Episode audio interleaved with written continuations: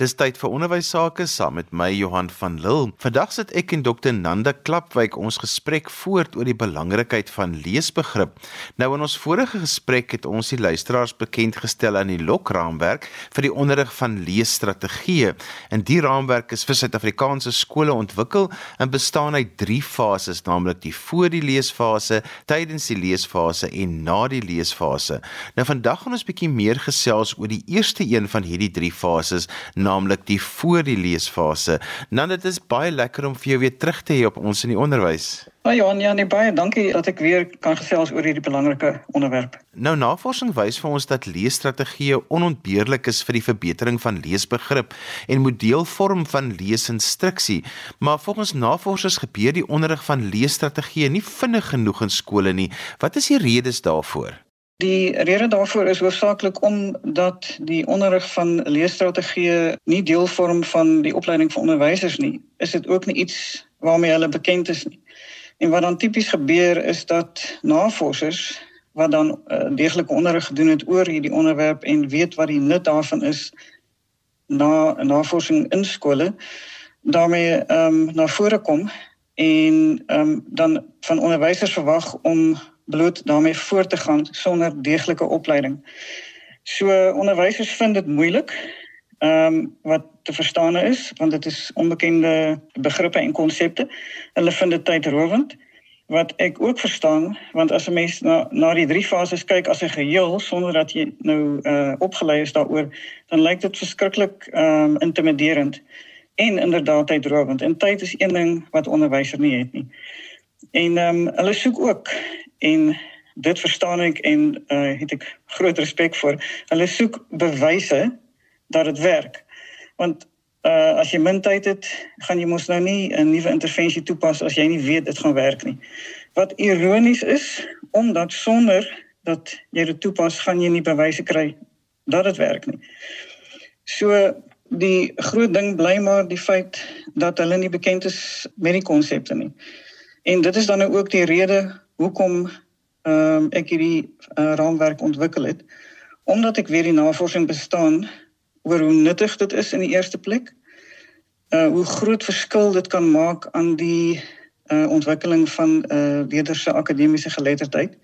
Maar ook met die wete dat uh onderwysers nie die tyd het om dit self te gaan navors en ehm um, dinge saam te stel nie. So met die raamwerk die doel dan om ehm um, gestruktureerde manier onderwysers die die hulp te gee met hulpbronne daarbey om te begin met die onderrig van leesstrategieë.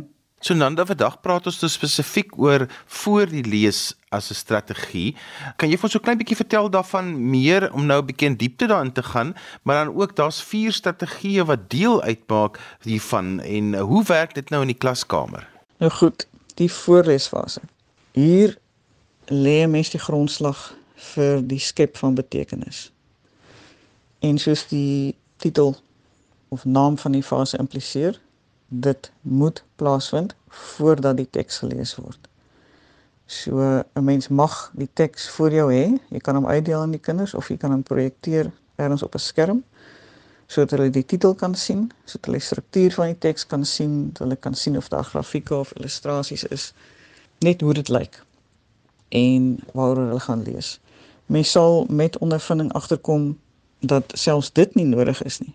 Mens kan die eerste strategie onderrig sonder dat die, die um, teks sigbaar is en net deur vir jou leerders te sê dit is die titel wat dink julle. Maar kom ons begin by die begin. So die tipiese leesles soos wat ons geleer is om dit te doen bestaan uit die uitdeel van die teks. Ons kontroleer dat almal gereed is en dan sê ons vandag gaan ons lees oor en ons begin lees of ons uh, verdeel die teks tussen ehm um, ervare lesers en hulle lees dan paragraaf vir paragraaf om beurte hardop aan die klas. Niks fout daarmee nie, maar dit kan beter gedoen word en dit is eintlik deel van fase 2, die tydensleesproses. Die heel eerste ding wat 'n mens moet doen is om 'n tree terug te staan. Kyk na die teks en bepaal jou leesdoel. Hoekom gaan ek hierdie teks lees? Nou tipies lees 'n mens 'n teks vir een van drie redes. Jy lees hom vir plesier of genot, soos 'n tydskrif of 'n boek wat jy self gekies het om te koop. Jy lees dit vir inligting, kan vir baie redes wees, ehm um, gebruiksaanwysings of om te lees vir 'n taak of jy lees om te leer. Dis dan vir die eksamen. En die doel waarom jy lees bepaal ook jou houding teenoor die teks. So dit rig jou aandag op 'n bepaalde manier en jou houding. As jy weet jy gaan lees vir inligting of vir eksamen, dan is mens geneig om 'n stuk papier of 'n potlood nader te trek want jy weet ek gaan ek moontlik moet aantekeninge maak. As jy lees vir die lekkerte of vir genot, dan ontspan jy byna meer en jy weet okay. Dit is nie iets wat ek eintlik hoef te onthou nie en ek gaan ook nie noodwendig vir inligting hoef te soek nie. So dis 'n klein stappie, maar 'n baie belangrike een wat nou geforseerd klink, maar wat soos ek reeds gesê het naderhand outomaties sal wees. Dit gaan nie eens registreer dat jy daai vrae gevra het nie. Maar omdat leerders dit nie weet nie, moet hulle geleer word om dit te doen. Goed, nou het mens jou leesdoel. Die tweede ding wat hand aan hand daarmee saamhang is die tekstipe.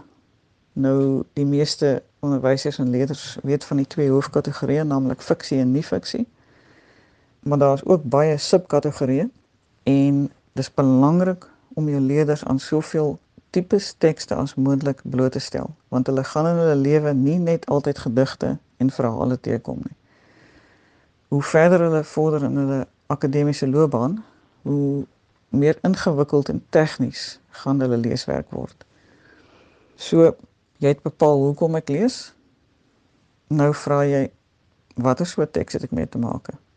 Ek kyk na die struktuur en oh, dit lyk vir my na 'n gedig want daar's strofes of dit lyk na 'n verhaal want dit is net een groot blok teks of nee, dit is dalk ehm, 'n um, koerantartikel want daar's 'n hoofopskrif, daar's 'n verslaggewer se naam, daar's vetgedrukte titels of dis uit 'n teksboek uit want daar is 'n hoofstuknommer, 'n titel, grafieke, kolpunte, wenke, opsommings. Dit is die tekseienskappe van 'n teks. En dit is die tipe ding wat 'n mens ehm um, leerders van bewus moet maak. So jy bepaal jou leesdoel, jy bepaal jou tekstipe en jy bespreek die tekseienskappe. Hoekom sê ek dis 'n koerantartikel? Omdat daar is die naam van die verslaggewer, titel en 'n datum ensovoorts. Nogmaals soos ek vroeër gesê het, belangrik dat die onderwyser die soort kennis naamlik oor tekseienskappe hulle eie maak voordat hulle dit onderrig en probeer leerders deur die loop van die jaar aan soveel moontlik tipes tekste bekendstel. Dan die derde punt. Dit is 'n baie belangrike een, die derde strategie. Dit is die aktivering van bestaande kennis. Dit is 'n fundamentele en baie belangrike beginsel van leer om nuwe kennis te koppel aan bestaande kennis. Die onbekende aan die bekende. So hier vra mens die klas, julle het nou die titel gesien. Ons weet waar ons gaan lees. Ons het dit nog nie gelees nie. Maar wat kan julle my vertel oor hierdie onderwerp? Wat weet julle reeds oor hierdie onderwerp? En dit kan letterlik enigiets wees. Hier aan die begin ja, mag leerders dalk allerlei snaakse goed probeer sê omdat die konsep vreemd is. Laat dit toe binne perke natuurlik. En skryf dit neer, teken dit aan, bespreek dit verder. Vra of, of die uh, ander leerders dieselfde onthou. Aanvaar woorde of sinne. Dit maak nie saak nie. Enigiets is 'n geldige bydrae. As jy meertalige leerders het of daar's een wat ehm um, sukkel met die taal van onderrig, laat hulle toe om hulle bydrae te lewer in hulle eie taal. Dit gee hulle eh, 'n uh, gevoel van ingesluit wees en die hele strategie gee leerders die um, gevoel dat hulle 'n bydrae lewer tot die les en skep die koppeling na wat gaan kom wanneer hulle dan nou die teks lees. So, ons het ons doel hoekom ons lees vir inligting, plesier of leer. Ons weet watter tipe teks het ons mee te maak en hoekom. Dis nou die beskrywing van die tekseienskappe En ons het bespreek of gedink oor dan as dit in die toekoms die leerders wat dit self outomaties doen, wat weet ons reeds oor hierdie onderwerp? Nou die 4de strategie is 'n ekstra, maar ek sou hom uh, sterk aanbeveel veral omdat dit ontwikkelende lesers of swak lesers se aandag sal behou en dit skep ook belangstelling. En dit is die maak van voorspellings. En hier sê mense dan nou nogmals voordat die teks gelees is, vra hy vir die leerders goed. Ons het nou gepraat oor wat julle reeds weet oor hierdie onderwerp. Nou voordat ons lees, wat dink julle gaan gebeur? Kan julle enigsins raai wat volgende gaan kom? Waaroor gaan ons lees? En hier baie belangrik, skryf dit neer. Mens kan dit self 'n kompetisie maak aan die begin. Deel die klas in spanne en skryf span A en span B se se voorspellings neer. En dan terwyl jy dan lees in die tweede fase, kan 'n mens kyk wie se voorspellings was raak. Mens kan dit ook met 'n voorspellingskaart doen wat jy vooraf opstel veral as dit by inhoudsvakke kom waarin die belangrikste punte behandel word. So dit is fase 1 se vier strategieë. Hoekom lees ek? Watter soort teks is ek mee besig? En dit is alles sodat jou aandag, belangstelling en houding op 'n sekere manier gerig word. Wat weet ek reeds oor die onderwerp en waaroor dink ek gaan ek lees? Wat gaan in hierdie teks gebeur? Dit is in kort hoe die vier strategieë in die voorleesfase toegepas kan word. As jy sopas ingeskakel het, jy luister na ons in die onderwys saam met my Johan van Lille. My gas vandag is Nande Klapwyk. Ons gesels vandag oor 'n leesstrategie wat ons noem voor die leesfase. Ons het nou in die eerste gedeelte mooi verduidelik wat is die vier leesstrategieë wat deel maak daarvan. So herhaal dit net geso vinnig en dan wil ek vra dat jy tog hierdie groot mond vol wat jy nou in die eerste gedeelte vir ons gesê het, watter raad het jy vir onderwysers dat hulle nie moet ontmoedig voel om hierdie te doen nie? Ja, nee, dis uh, 'n uh, goeie punt Johan. Ja, absoluut. Voorleesfase om op te som doen dit voordat die teks gelees word. Jy kan die teks uitdeel of jy kan hom um, op 'n skerm um, weergee sodat um, dit die struktuur en die titel sigbaar is. Dan ten eerste Uh, bepaal die leesstoel. Hoekom lees ons vandag hierdie teks? En onthou, dit uh, wat jy nou vir die leerders leer is nie net van toepassing op die klas nie, dis 'n gewoonte wat hulle moet aanleer vir die res van hulle lewe en dit is dinge wat dan onbewus begin gebeur. Nou dat jy weet wat die uh, leesdoel is, watter tipe teks ons mee te maak, fiksie of nie fiksie. En dan het fiksie en nie fiksie allerlei subkategorieë. Daarvoor is ook ehm, 'n um, hulpbron beskikbaar op die webtuiste. Wanneer jy die twee goed bepaal het, aktiveer die ehm um, tekskennis. Hoekom sê jy of hoe weet jy dat jy met 'n bepaalde tekstipe te maak het? Dan baie krities, aktiveer bestaande kennis, laat leerders enigiets, absoluut enigiets wat hulle reeds weet oor die onderwerp noem hardop en teken dit aan of al onthou jy dit net as onderwyser. En dan laaste wat nogal lekker pret kan wees vir alles mense dit op skrif doen met 'n voorspellingsgids wat jy as onderwyser kan saamstel. Maak voorspellings want mense sal tydens die tydensleesfase kontroleer is my voorspelling akkuraat en ehm um, dit is ehm um, iets wat aandag hou en afwagting skep. Nou vir die onderwysers wat wat wat luister, ja, dit is 'n mondvol, maar ek weet dat dit werk. Ek het dit vir BE studente onderrig en ek het gesien tydens hulle proef uh onderrig tydperk hoeveel indruk dit gemaak het op die onderwysers in wiese klasse hulle klas gegee het. So, ek wil sê, moenie dit groter maak as wat dit is nie dit is eintlik klein eenvoudige strategieë of tegnieke wat jy dit ook al wil noem wat jy stapsgewys vir jou leerders sal onderrig totdat dit outomaties is en dan pas hulle dit toe sonder dat jy enigiets hoef te sê en hulle neem dit met hulle saam vir die res van hulle akademiese loopbaan. Ek sou sê begin by jouself. Maak die konsepte eers jou eie. So dit is nou eintlik die perfekte tyd in die skooljaar in Suid-Afrika. Dit is byna eksamentyd en dan somervakansie. So tydens die somervakansie as jy nou regtig moeg is vir op die strand lê, dan gaan laai die artikels af in die hulpbronne en en kyk daarna. Begin byvoorbeeld met iets soos tekstipes en maak dit heeltemal jou eie. Word gemaklik met wat is fiksie en nie fiksie? Hoe onderskei ek dit? Wat is die tekseienskappe van elke tekstipe? Sodat as jy dit dan aan jou klas gaan ehm um, onderrig dat jy nie onkant gevang word nie, dat jy gemaklik is met wat jy onderrig. Dan ehm um, begin deur elke strategie afsonderlik te onderrig. Ek sou sê 'n week vir elke een. So letterlik vir fase 1 gebruik jy leesdoel 'n hele week in elke klas totdat dit glad nie meer snaaks is vir die uh, vir die ehm um, leerlinge om vir jou antwoord te gee daarop nie. Selfs met tekstipe. Doen dit vir 'n week. Selfs met ehm um, tekskennis. Doen dit vir 'n hele week. En wanneer dit outomaties en normaal is vir leerders, dan kombineer 'n mens al 4 of 5 in een les. En daarna begin jy met die lees in die tydingsleesfase is vir 'n ander gesprek. En dan die groot ding is moenie oorweldig voel nie. Ek verseker julle dit werk. Dis net 'n geval van begin. En elke strategie wat 'n kind leer is 'n wen. Nanda, hierdie hele leesstrategie ding is vir my iets wat jy gesê het met 'n leefwyse word vir kinders en dat dit onderwysers dit ook hulle eie moet maak. Is daar 'n verband tussen hierdie voor die leesfase en die feit dat ons so sukkel met leesbegrip in skole? Ja nee, daar is ehm um, definitief 'n verband tussen dit want ehm um, onderwysers fokus en word ook geleer om te fokus op leesinstruksie en die eh uh, dekodering van woorde. Met ander woorde hoe om eh uh, woorde te herken en uit te spreek.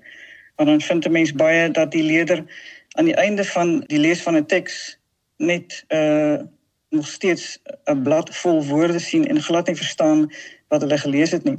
En dan wil 'n mens jouself vra of lees um, werklik plaasgevind het. So dit gaan um, om te verstaan wat jy lees is alles dit is wat ons doen sodra ons ons oë oopmaak. So dit gaan oor die skep van ehm um, lewenslange leesgewoontes om jou begrip te vergroot in jou akademiese geletterdheid en andersins. En kyk my raamwerk neem ehm um, 'n paar van veel meer strategieë toe wat bestaan. So ek het net die geneem wat ek glo ehm um, die maklikste en die logiese sal sal wees vir onderwysers om toe te pas uit die groot geheel en ook om te beklemtoon dit is op navorsing ehm um, ehm um, gebaseer en dit in 'n ek het dit dan in 'n gestruktureerde ehm um, wyse ehm um, saamgestel sodat dit maklik ehm um, onderrig kan word. Maar absoluut, ehm um, die vermoë om te verstaan wat jy lees en is alles. En ehm um, en veral hoe verder jy vorder in jou skoolbaan en dan in op universiteit en dan in jou werk natuurlik. Dan ek wil terugkom na die voorspelling toe wat jy gesê daar is 'n voorspellingsgids wat mense kan aflaai op afrikaans.com. Vergeet net vir so 'n klein bietjie meer details oor wat dit behels, wat is die gids?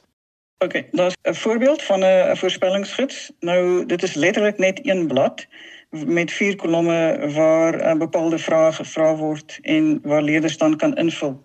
So in plaas daarvan om dit mondeling te doen, doen hulle dan skriftelik sodat hulle 'n rekord het van hulle voorspellings um, vir die tydensleesfase. En dan die tweede dokument is om onderwysers te help hoe om 'n voorspellingsgids saam te stel. Want dit moet net hê. Ehm um, in byvoorbeeld 'n 'n um, 'n verhaal gaan dit suiwer oor genot. Ehm um, maar ehm um, omdat ek graag aanbeveel dat die leesstrategie ook in inhoudsvakke toegepas word, is dit veral by die voorspellingsgidse vir inhoudsvakke wat dit baie belangrik is dat die onderwyser weet wat die kritiese punte en feite is wat hulle wil hê die leerder moet wegneem uit die dag se les of uit die teks. En dan die voorspellingsgids dan spesifiek op daardie punte gebaseer word.